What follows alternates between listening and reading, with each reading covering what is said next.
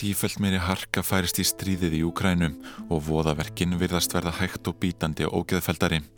Hátsettir ennbætismenn innan saminuðu þjóðana hafa nú krafist þess að ofbeldi rúsneska innrásaliðsins gegn konum og börnum verði rannsakað ofan í kjölinn og Vlotumir Selenski í Úkrænu fórsiti hvest uggandi yfir mögulegum efnavopna árásum rúsa og eðlimálsins samkvæmt reyna íbúar Úkræna að flýja þessar hörmungar. Um 11 miljónir hafa lagt á flóta og með fjöldi flótafólks kemur hinga til lands. Í síðasta þætti á flóta skoðum við hvernig tekið hefur verið á móti fólki sem flúið hefur hingað til lands undan stríðinu í Úkrænu og heyrðum sögur nokkura þeirra. Í dagbinu við sjónum að stöðu flótafólks hér á landi, aðbúnaði þeirra og ferlunum við að sækja um hæli. En byrjum á því að líta um auksl. Ég spurði Írisi Ellenberger, sagfræðing og dósent við mentavísindasvið Háskóla Íslands sem rannsakað hefur fólksflutninga, hvernig það gerist fyrst að fólk flúði hinga til lands.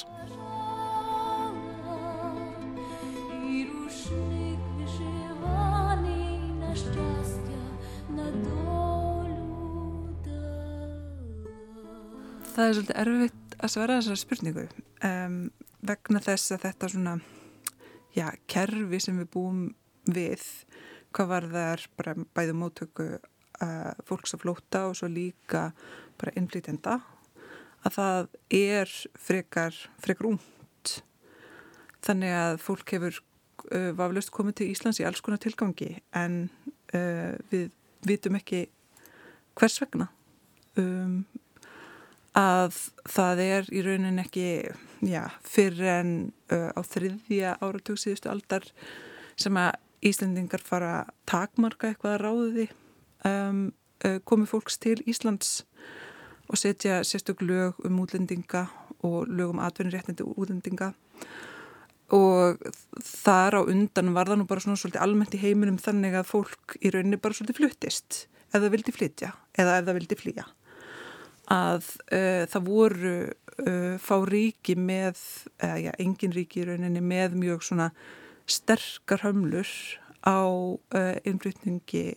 fólks og jáfnvel að fólk væri að hvetja fólk til að flytjast búðferðlum. Um, að bandaríkin er á þessum tíma líklega stærsti, stærsta móttökulandið hjá, hjá fólki sem er, sem er að flytjast sem hvort það var að flýja eða, eða flytjast af, af öður, öðrum ástæðum og þannig að við upphaf 20. aldar þá er miljón manns ári að flytjast til bandaríkina en það er einmitt þarna sent á, á hérna, öðrum áratögnum og svo á þriði áratögnum sem að bandaríkin fara svolítið að slá í lás og fara að takmarka mjög um, sagt, flutning fólks uh, yfir randamæri og svo eru önnuríki sem að Eh, fylgja í kjölfarið mm. og um, það er á meðal uh, Ísland mm. og þá kannski fyrst fyrir við svona eru einhverju svona fossendur fyrir því að myndast að fara að uh, flokka fólk í fólk á flótta eða fólk sem er búsið til landinu eða fólk sem að, að uh, flytur inn til landsins af, í gegnum af, af öðrum ástæðum og með, með öður, öðrum leiðum. Þannig að ég held að það mætti segja að fólk hefur öruglega flúið og flúið til Íslands um, um langarhríð um, en við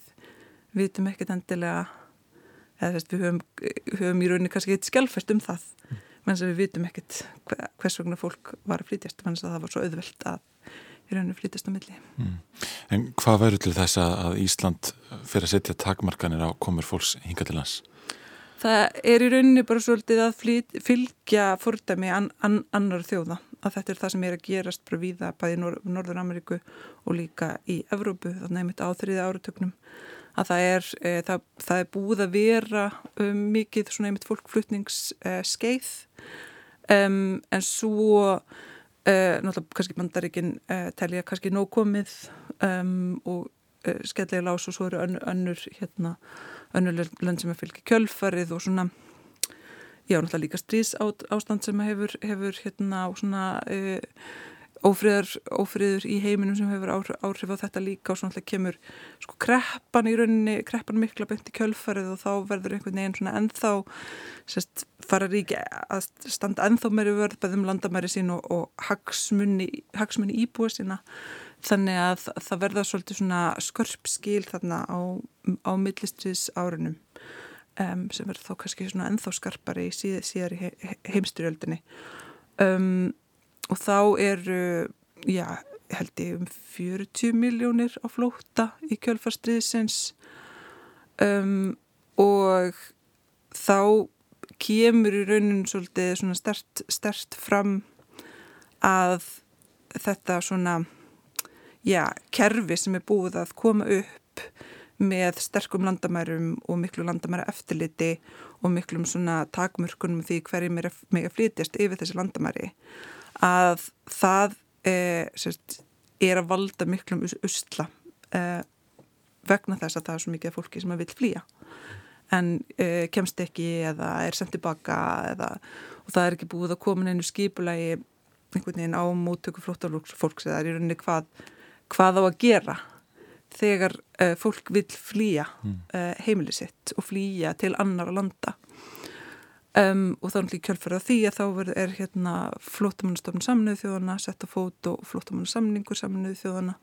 að hann er hérna sérst er undir í dagur Um, og, fóru, og það er í rauninu svolítið kannski upphafið af þessu kerfi sem við, sem við sjáum í dag. Og Íri segir Íslendinga almennt hafa verið mótfallna því að taka á móti flótafólki í gegnum tíðina. Í síðar heimstyrjöldina þá voru sérstaklega gýðingar aðalega flóta um, og komu að flúðu alveg uh, nokkrir, eða nokkur, uh, til, til Íslands, nokkru fjölskyldur og einstaklingar. Um, og orðræðan er náttúrulega mjög þjóðurnisinnuð uh, mjög lituð af svona, um, svona mannkinnbótastefnunni í rauninni þar sem er náttúrulega gýðingar lit, litnir hortnöga um, og sérst, svona reynda koma í veg fyrir það svona það þið, ekki litið vel og það er hugsalega mjögulega að fara þeirra að blanda blóðu við Íslandinga Um, þannig að hérna, þeir eru hérna, enda með því að þeir eru margir sendir, er, þeim eru í rauninu brottvísað af ymsum ástæðum. Um, ofta ekkert ofinbera ástæðan þeir séu ekki þingar en það kannski svona lig, liggur samt svona undir, undir neðri um, og svona stefna stjórnvalda kannski uppfara því eða alveg í rauninu kannski frá því að fyrstu útlendinga lög, lögum útlendinga eru sett að svona reyna að takmarka uh, innflutning af fólki sem mest nema það séu einhverju hagsmunir sem að liggja baki eins og til dæmis að það vantar fólk til að koma til Íslands til að vinna, gangi ákveðin störf eða vantar ódýrt vinnuafl eða eitthvað í þeimdur að þá um, að þá Eh, eru sérst, undan þáur eða atvinnulögjöfin eh, er í rauninni svolítið löguð að því mm. að það sé hægt að sína ákveðin svona svejanleika uh, hvað það var þar en það er tekið fyrir alla samkeppni uh, við Íslendinga á nokkur nátt og það er líka svolítið svona það sem var notað til þess að vísa giðingunum uh, í burt að þeir varu á stunda atvinnregstur, þeir voru nokkur með svona, já, svona yðnmöndun um, og störfuðu í, við yðn sína uh, og það var þá nota gegn þeim að þeir væru að væri með samkefni, eða búið til samkefni við Íslandinga og þar með mátti senda þá úr landi. Um, þannig að sko bæði hvað varðar flótafólk og líka bara innflytindur almennt að þá hefur stefnum svolítið verið og er síns mér enn þann dag í dag að reyna að koma í veg fyrir að eh, fólk eða sem flestir bara komist, komið til Íslands og setjist að á Íslandi nema þá að einmitt eins og ég sagði á hann að það var einhverju hagsmunir sem, sem vegi sterkar þar eða einhverju svona alþjóða samningar sem að skuldbyndi Ísland til að uh, opna landamöru sín að taka fólki. Íris talar hér um lagalega skuldbindningar en síðan eru það siðferðilegar skildir og ábyrð þjóða kakvart fólki sem er í nauð. Ábyrð okkar er rík, segir Henry Alexander Henriksson heimsbyggingur. Við berum náttúrulega ríka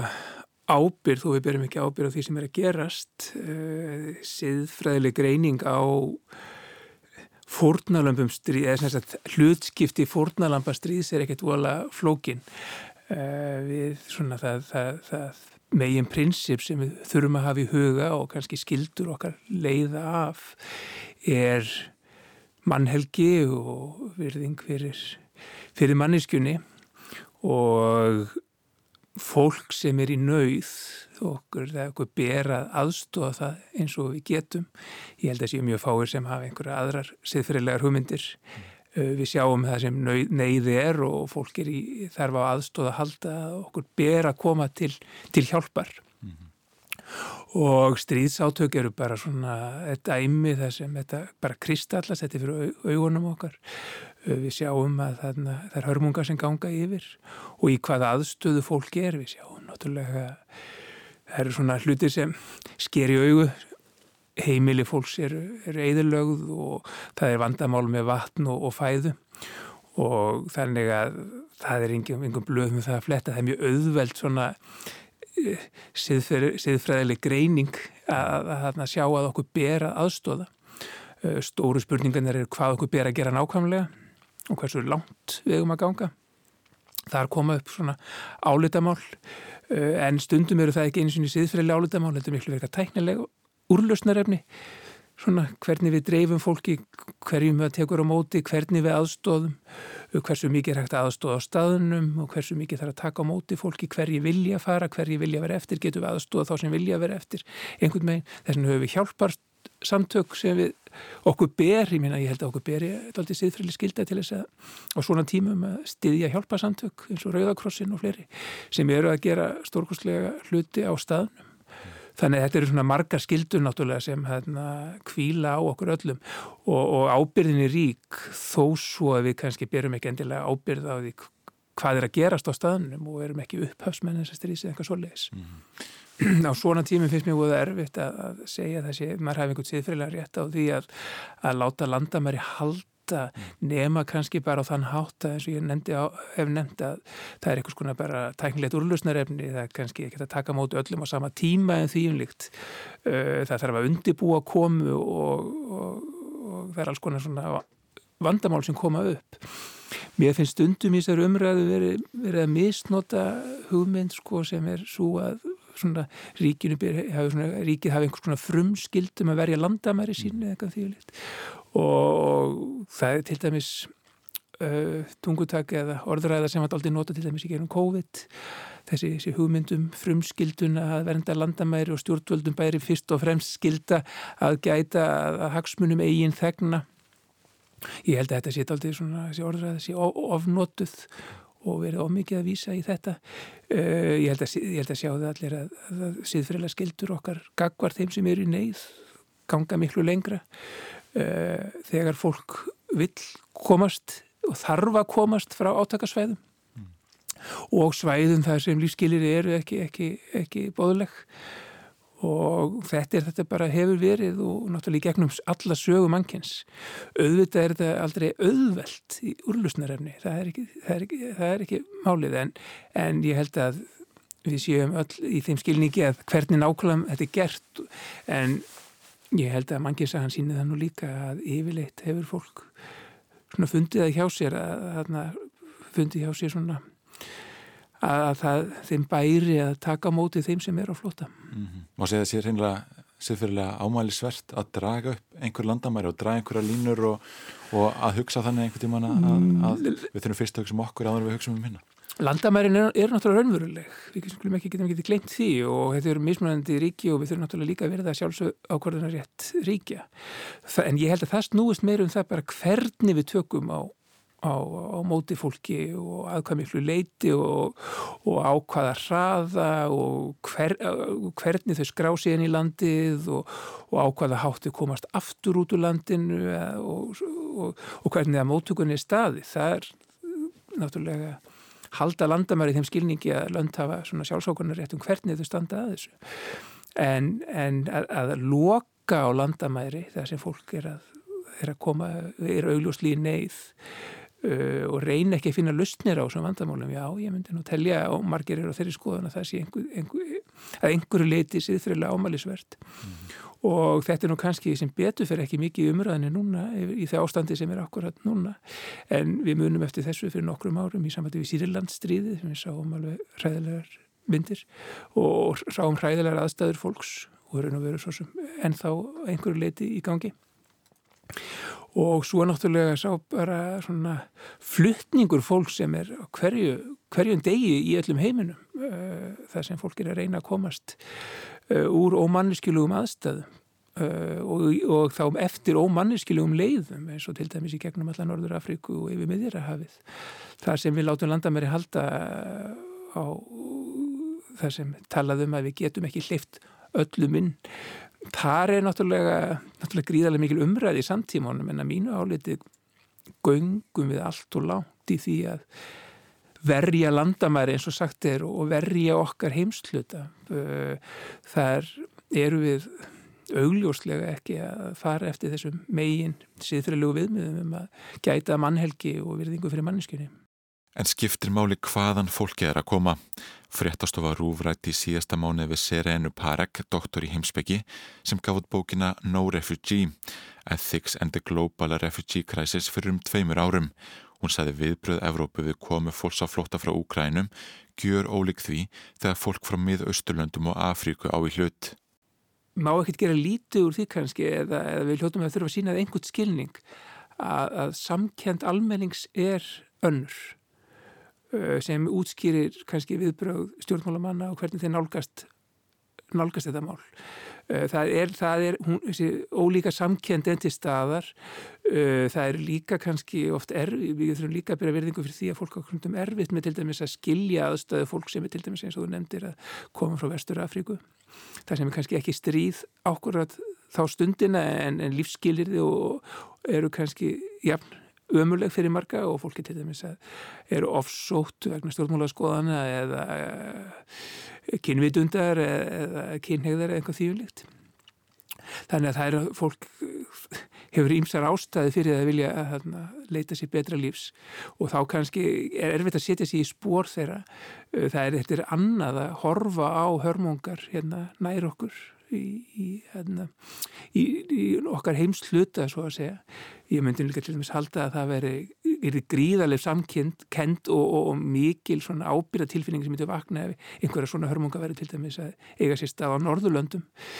og, og veri svona auðvelt að fá fólk svona þjóði til þess að að vera þeirri skoðun að okkur bæri að taka á móti fólki þaðan en auðvitað er þetta bara, þetta er bara veruleiki okkar að samkendin er, er ólík. En það er líka þá bara verkefni okkar að reyna að, að átt okkur á þessum aðstæðum og reyna að sína sem er í skilning. Það er má svona svo margir hafa talað um hlutskipti flótamanna eftir síðlanstriðið er hérna er hlutskipti þeirra hefði þurft að vera annað, við hefðum þurft að bregðast öðruvísu við, það var margt bara einfallega ámælisvert í því hvernig Vesturlund brúðust við þá, eða margi stjórnmólamenn að mista kosti og það skorti algjörlega á svona eh, samhæðar aðgerðir. Og þar þegar þetta var í raun og veru fyrst og fremst eins og maður hefur kallað kannski bara tæknilegt úrlusnarefni, hvernig þetta taka mótið þessum fjölda fólks sem var ekkert stórkostlegur til við horfum á þann og það svæði sem vestur Evrópa er mm. og hefði verið hægt að standa miklu betur að þessu og, en við megum heldur ekki sem er mikilvægt að hafa í huga að margir að vera benda á þetta að, að, að viðbröð okkar eru öðruvísi núna við það ástand sem er í dag heldur en var til dæmis í Sýrlandi að við megum ekki láta það dragur okkur kjarkin og dugnaðin í því að taka móti fólki núna að láta eins og það sé eitthvað eftirsóknarvert að hafa samræmi í aðgerðum og þess vegna slá af aðgerðum í dag og auðvitað að læra af reynslunni og það er nú kannski það jákvæðast að vita alls saman að við ætlum að bregðast öðruvísi við núna. Kristín Lofstóttir, professor í mannfræðim, hefur rannsakað viðþorf til fólks á flótta frá Vestur Afríku. Gaggríni sem hefur verið komið fram á ólíka móttöku, hún snýr ekki að gaggrína það hvernig verið að taka á móti þessum hóp. Einmitt þetta er það sem maður vil sjá. En á sama tíma einmitt þá er gott líka aðeins að staldra við og setja þetta í víðara samhengi. Og hérna, og það var einmitt eh, hérna hún eh, Parsnek, eh, Serena Parsnek, hún einmitt hefur bent á að það, það má sjá þarna mun á milli þess hvernig tekja á móti e, flótafólki frá Ukraíni og tók einmitt Sýriland sem dæmi. Og ef við förum aðeins tilbaka bara til ársins 2015 að e, þá held ég samt að það sé, ég vil bæta svona við kannski það sem hún var að undistrika að Í byrjun ár, ársins 2015 þá var mjög ábyrrandi í fréttum hér flótafólk frá uh, Vestur Afríku og sem var að koma þá til dæmis frá Líbi og öðrum stöðum yfir miðjarahafið og flestar myndir sem fylgdi þessu voru svona myndir af fólki bátum, svona eiginlega andlislaust fólk og einmitt hérna, vandamálið sem fylgdi því að þetta fólk var að koma það sem að hérna Eh, eins og margir aðra hafa bent á það sem að flóttamanna vandin virtist bara snúast um vanda uh, Evrópuríkjan að taka mótið þessum hópi ekki sagt, uh, einstaklingunum sem umrætti og hérna og þegar flóttafólk frá Sýrlandi byrjar að vera ábyrjandi svona um sumar, haust 2015 að þá sér maður mjög mikla jákvæðni í þeirra garð og mikinn áhuga því að, að reyna að gera eitthvað og reyna að hjálpa. Og þetta var ekki bara hér á Íslandi heldur líka Erlendis og alls konar samstöðu fundir áköll um að taka á móti fleiri og annað slíkt en síðan því miður þá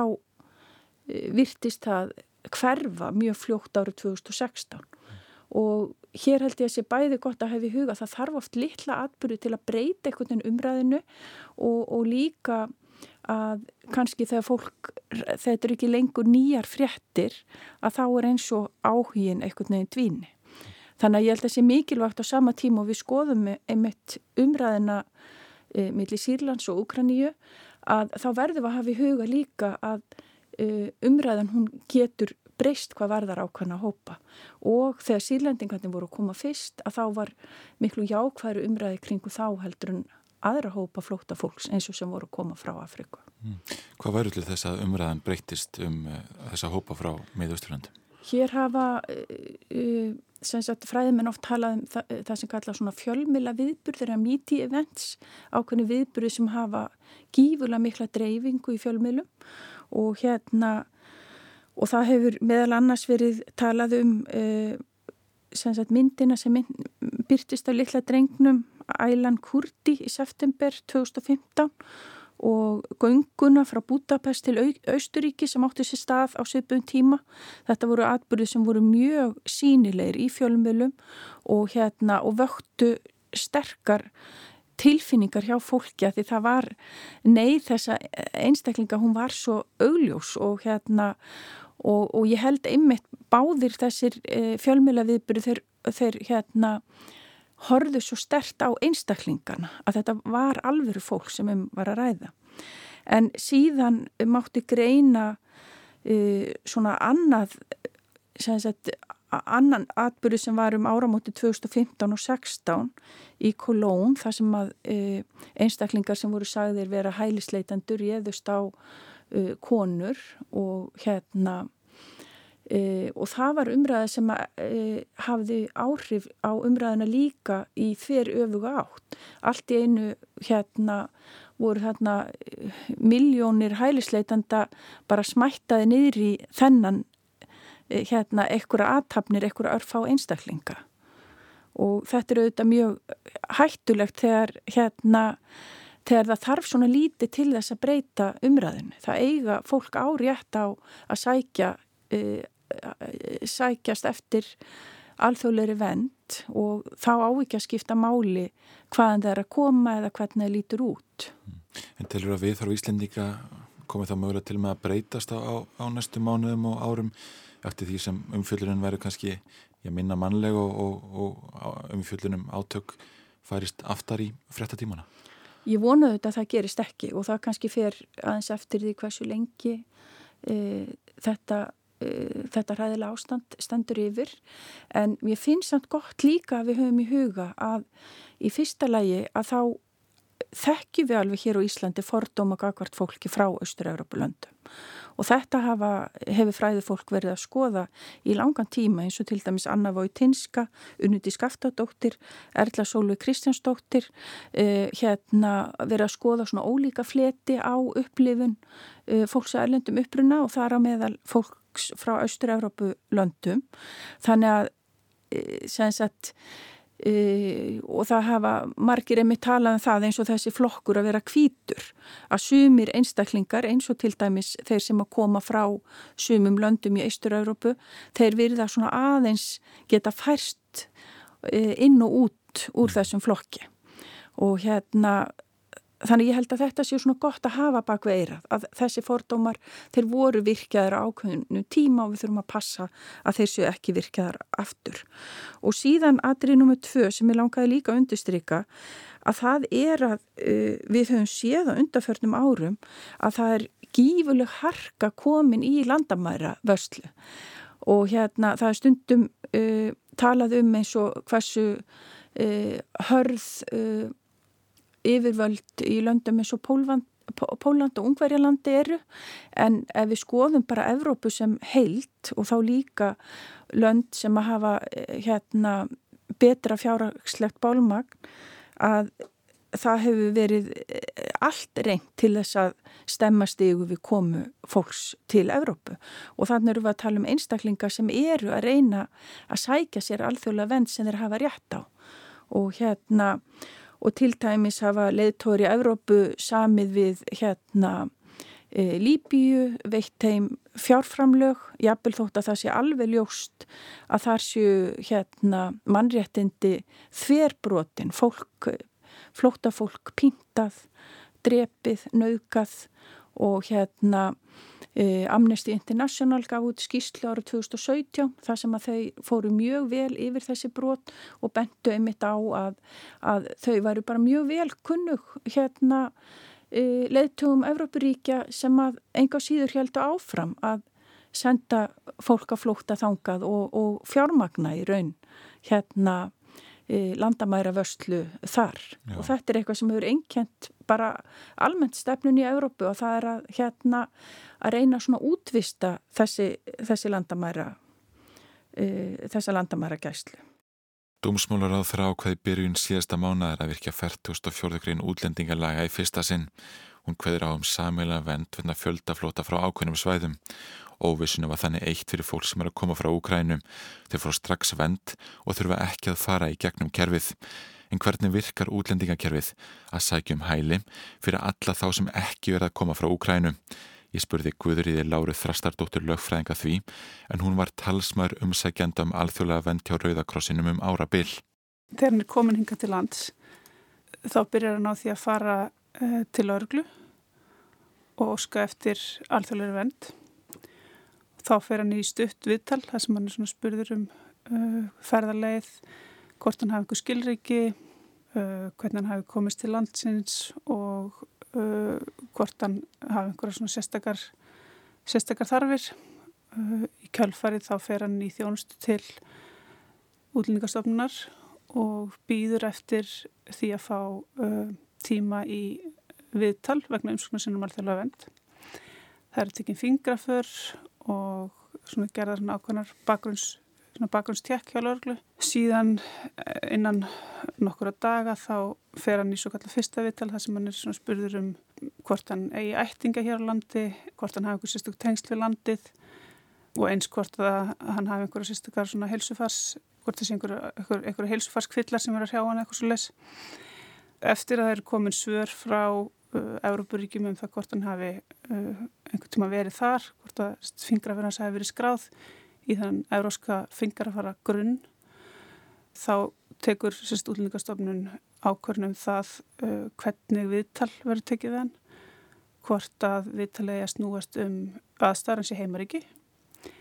eða aðstæðarans í öðru Európaríki. Það kemur líka til greina að útlendingastofnun skoði það hvort það er að taka viðtal við hann út af dvöl í einhverju ríki sem eru utan Európu, hann er ekki heimaríki, þannig það er rauninni þessir svona þrýr, þessi þrýr möguleikar sem eru uppi. Og svo fær við komandi útlita talsmanni löglarum talsmanni sem að fylgja um í viðtalið. Um, já, það fer sér síðan eftir því hvernig uh, í hvaða málsmeðferð málið er sett hvernig, hver, hvaða spurningar hann fær í viðtalinu uh, í kjálfar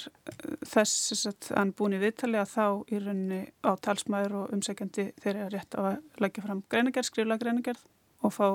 ákveðin frest til að leggja hana fram og þegar því er lokið þá raunin tekur útlendingastofnun sér tíma til þess að uh, skoða gögnin og meta umsöknuna og í kjálfarið tekin ákvarðin. Ef ákvarðin neikvæð að þá hefur umsökjandi valum að kæra til kærnefndur útlendingamála og þá tekur raunin við annarferðli. E, ákverju veldur það síðan hvort að við komum að fá að vera hér eða ekki? Er það alveg skýrt? Sko, hvort það er skýrt og ekki skýrt, um, það er auðvitað bara, sko, það fer auðvitað svolítið eftir í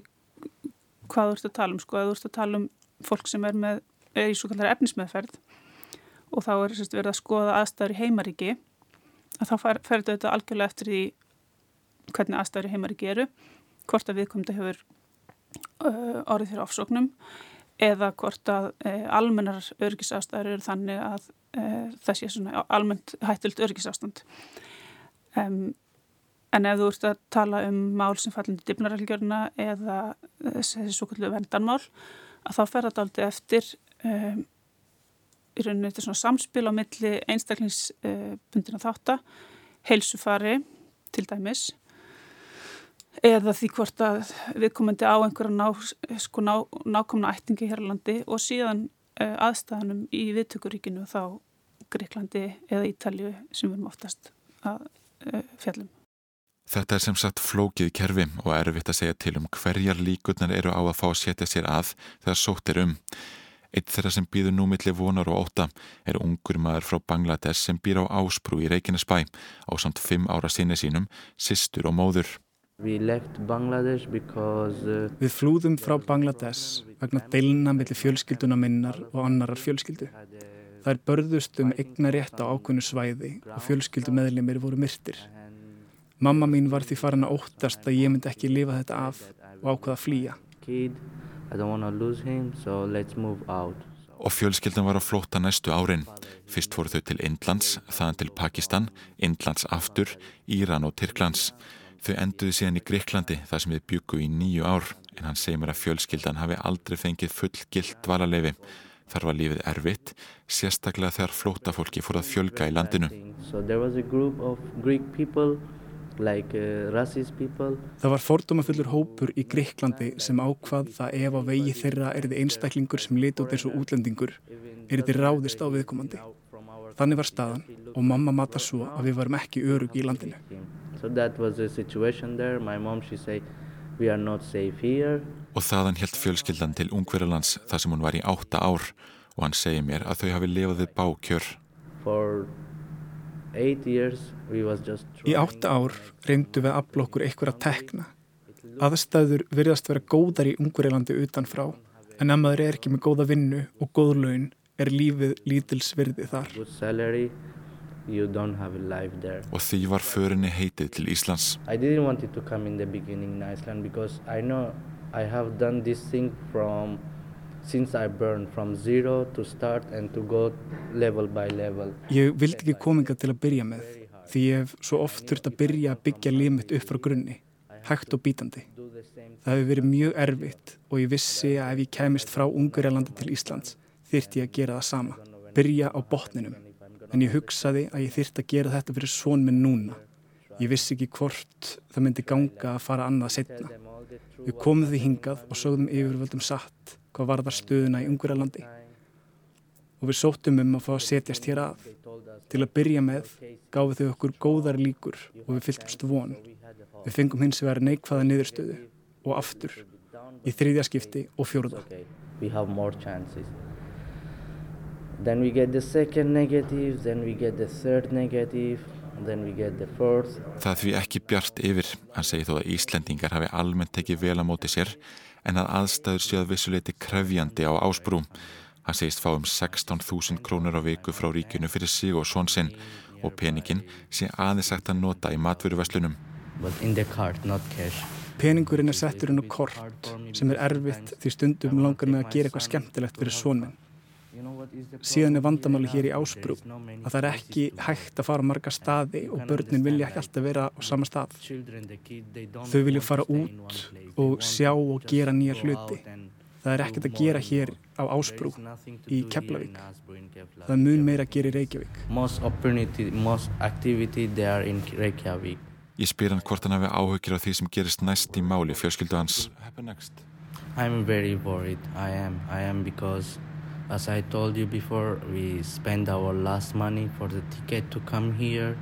Ég hef mjög miklar áhyggjur þegar við eittum öllum okkar pening í að komast hingað og ef við verðum senda aftur til Ungverðarlands þar ég að bregðast við þremur vandamálum. Í fyrsta lagi þekkjum við engan þar sem getur hjálpað okkur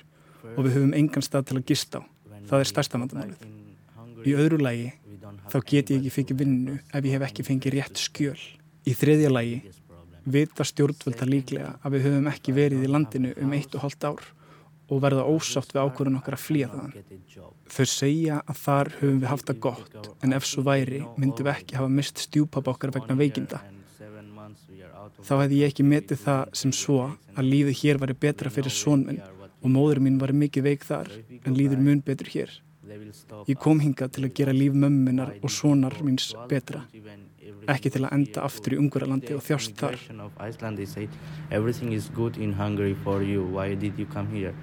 If it was good, I didn't come here with my son. If it was good, we didn't lose our stepfather. If it was good in Hungary, my mom, she is not better here now how she used to be in Hungary. She was very sick. I used to see her, she stand up at midnight and she's sleeping like standing sleeping. But here now is normal, so I come for my mother and my son life, not to go back in Hungary and have the same suffering. En hvernig sæ hann lífið fyrir sér á Íslandi? Uh, I want to make my mom happy. Mér langar að gera mömmu mína hamingjusama og gera mömmu klifta heimsækja heimalandið. Hún hefur ekki fengið tækifæri til þess síðan við flúðum þaðan. Hún saknar ættingina sem eru enn þar og þegar hún grætur lætið það með líða illa því ég er elstur sískinu minna og get ekki gert neitt fyrir hana. Mér langar líka framtíð sonar míns verði eins og bestar kosið. Ég ólst uppi fátækt, vann við það að selja hluti á götu úti frá því að ég var 12 eða 11 ára og ég vil ekki að sonum minn þurfa að gera það líka.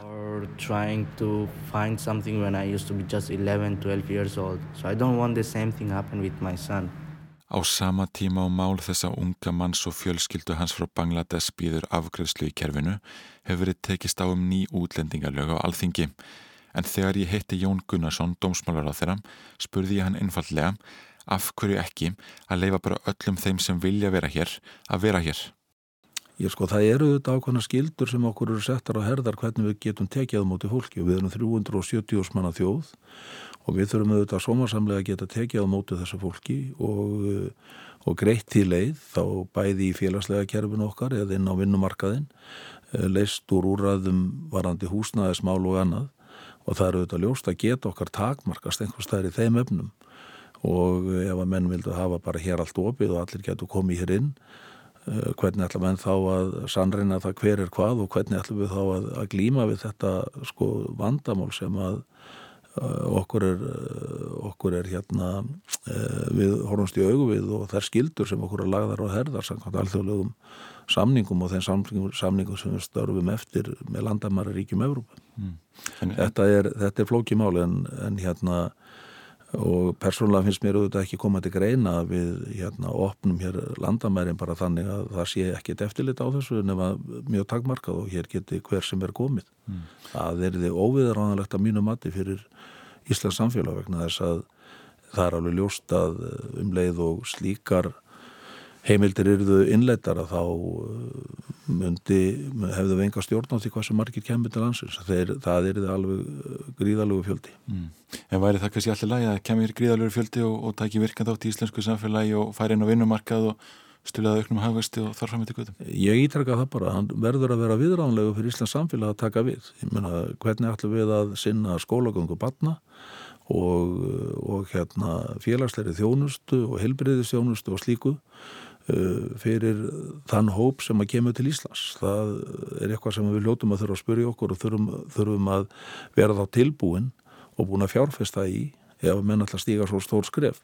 og metfjöldi flóttafólks kemur núna hinga til lands og burt sér frá því hvort fólk fær að vera hér áfram eða ekki er ljóst að það hefur ómælanleg áhrif á fólk að þurfa að flýja heimili sín, ekki síst andlega. Jasmína Serenats fer fyrir sérstökum samhæfingarhópi Reykjavíkur borgar vegna móttöku fólks frá Ukrænu. Hún þekki það af eigin raun að vera á flóta.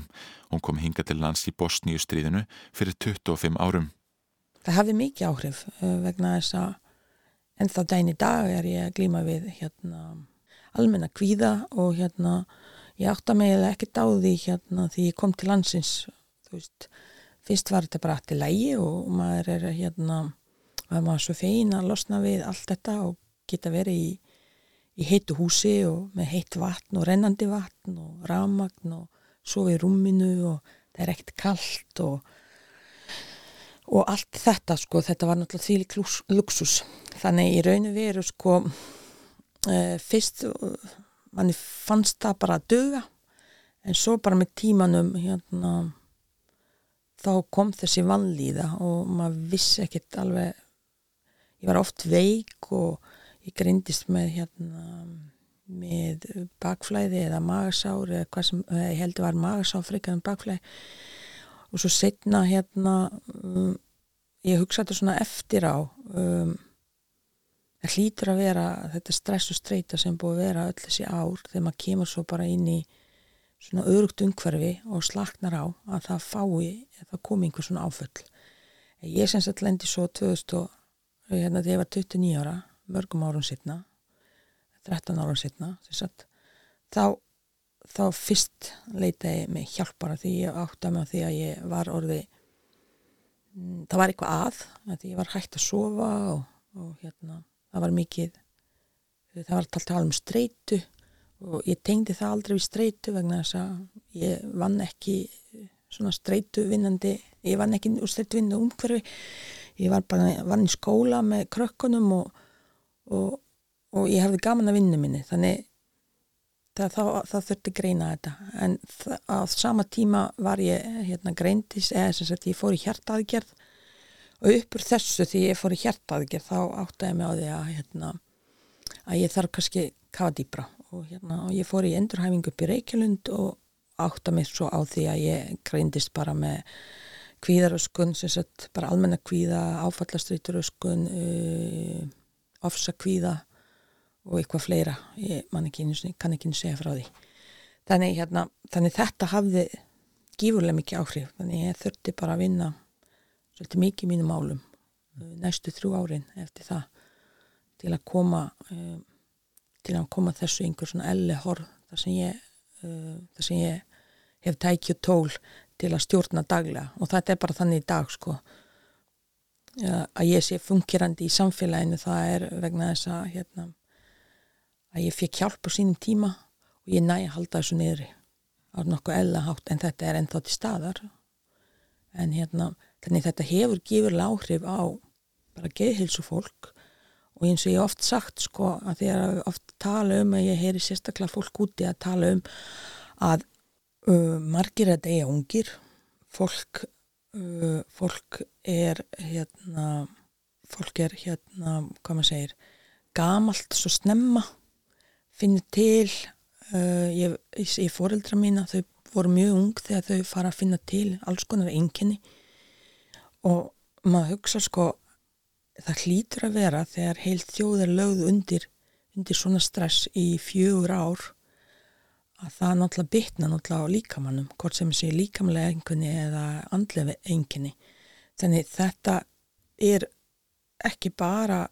sko að fólk flýr heldur líka þeir sem eru eftir er fólk sem er sem er búið er með laska heilsu mm -hmm. það er bara, það, það er bara staðrind Jasmína bendur á mikilvæg þess að samfélagið allt, ekki einungi stjórnvöld, tæki utanum fólki sem hingað kemur og hefur þurft að flýja út í óvusuna. Það hafi reynst henni sjálfuri ómetanlegt. Þetta snýst ekki hvað stjórnvöld er að gera og hvað einstök svitufjölu er að gera. Það er held ég minnst í hluti. Þau eru bara að taka á múti fólki, þau eru komað um húsnaði, þau tryggja tekjur og tryggja veist, þetta nöysilegasta í rauninu veru hins vegar stór partur er þessi félagslegu partur. Þetta er ábyrð okkar alla sem samfélagi, sem eh, mannisku, sem einstaklingar að banka upp á og, og bjóða þessu fólki velkomin og það er það sem gerðist síðan í kjölfari þegar fólk fór að kvarta að þau eru uh, borðið núlur og eitthvað uh, setnum kvöldi kom byrtist fréttum það að vestubæingar hópuðu sér saman fórum með dót, fórum með fött fórum með mat. Sko, og svo komum fréttir hvað flottamenn voru ótrúlega ánægir dæn eftir hvað,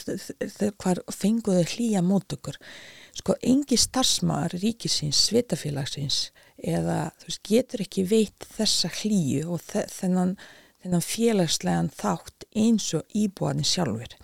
þegar íbúanir bjóða fólki velkomin og banka og vilja vita af sínum nágrunum, sínum hérna skólafélögum, uh, ég veit ekki hérna fókbaltafélögum eða korfuböltafélögum, þú veist, sem þau eru að æfa með og svona og vilja kynast foreldrum og vilja bjóða þeim í mat og vilja, vilja bara kynast þeim, þá erum við að tala um þetta að fólk verður hluti að samfélagin þá fer loksins upplifa sem segir hluti einni heild þegar samfélagi tekur þátt í því að kynnast. En við erum líka svolítið mikið uppdekinn af því einhvern veginn að allir þurfa að vera eins og Íslendingar. Uh, ég er mjög mótfallin því vegna þess að ef við ætlum að setja alla í sama form án þess að kynnast þeirri menningu uh, þá gengur engin, þú veist, þá erum við ekkert að vinna saman í gegnum mitt starf sem ég hef búið að vinna með innflytjandum síðan ég veit ekki hvenar, bara til fjöld ára uh, það er þetta sem ég lært. Það, þau vilja verið hlutir samfélagin það sé hérna uh, samtal um og kynnaskort öðrum. Uh, og ég hef alltaf hérna, hitt marga hópa og það er svo gaman að sjá fjölbreytileika að borða öðruvísi mat, kynast öðruvísi dansi, kynast öðruvísi menningu, síðum hefðum, tali þú veist, meining í orðunum þú veist, þú leikur ekki sama skilning í orðin sem ég nota og það sem þau nota. Þannig, þannig þetta er svo fjölbött flóra, þannig það er hvet bara alla, bara alla nöyti tækifæri, hvort sem eru ukrainski, sírlenskir eða hvað fólk sem er að koma hérna sem flóta fólk eða sem innflytjendur að hérna gefa sér bara tíma og spjalla það gefur mjög fljóð til ljósa að hérna, fólk vil vera hluti samfélaginu en það þarf að finna leiðir að leifa en vera hluti samfélaginu. Ríðna maður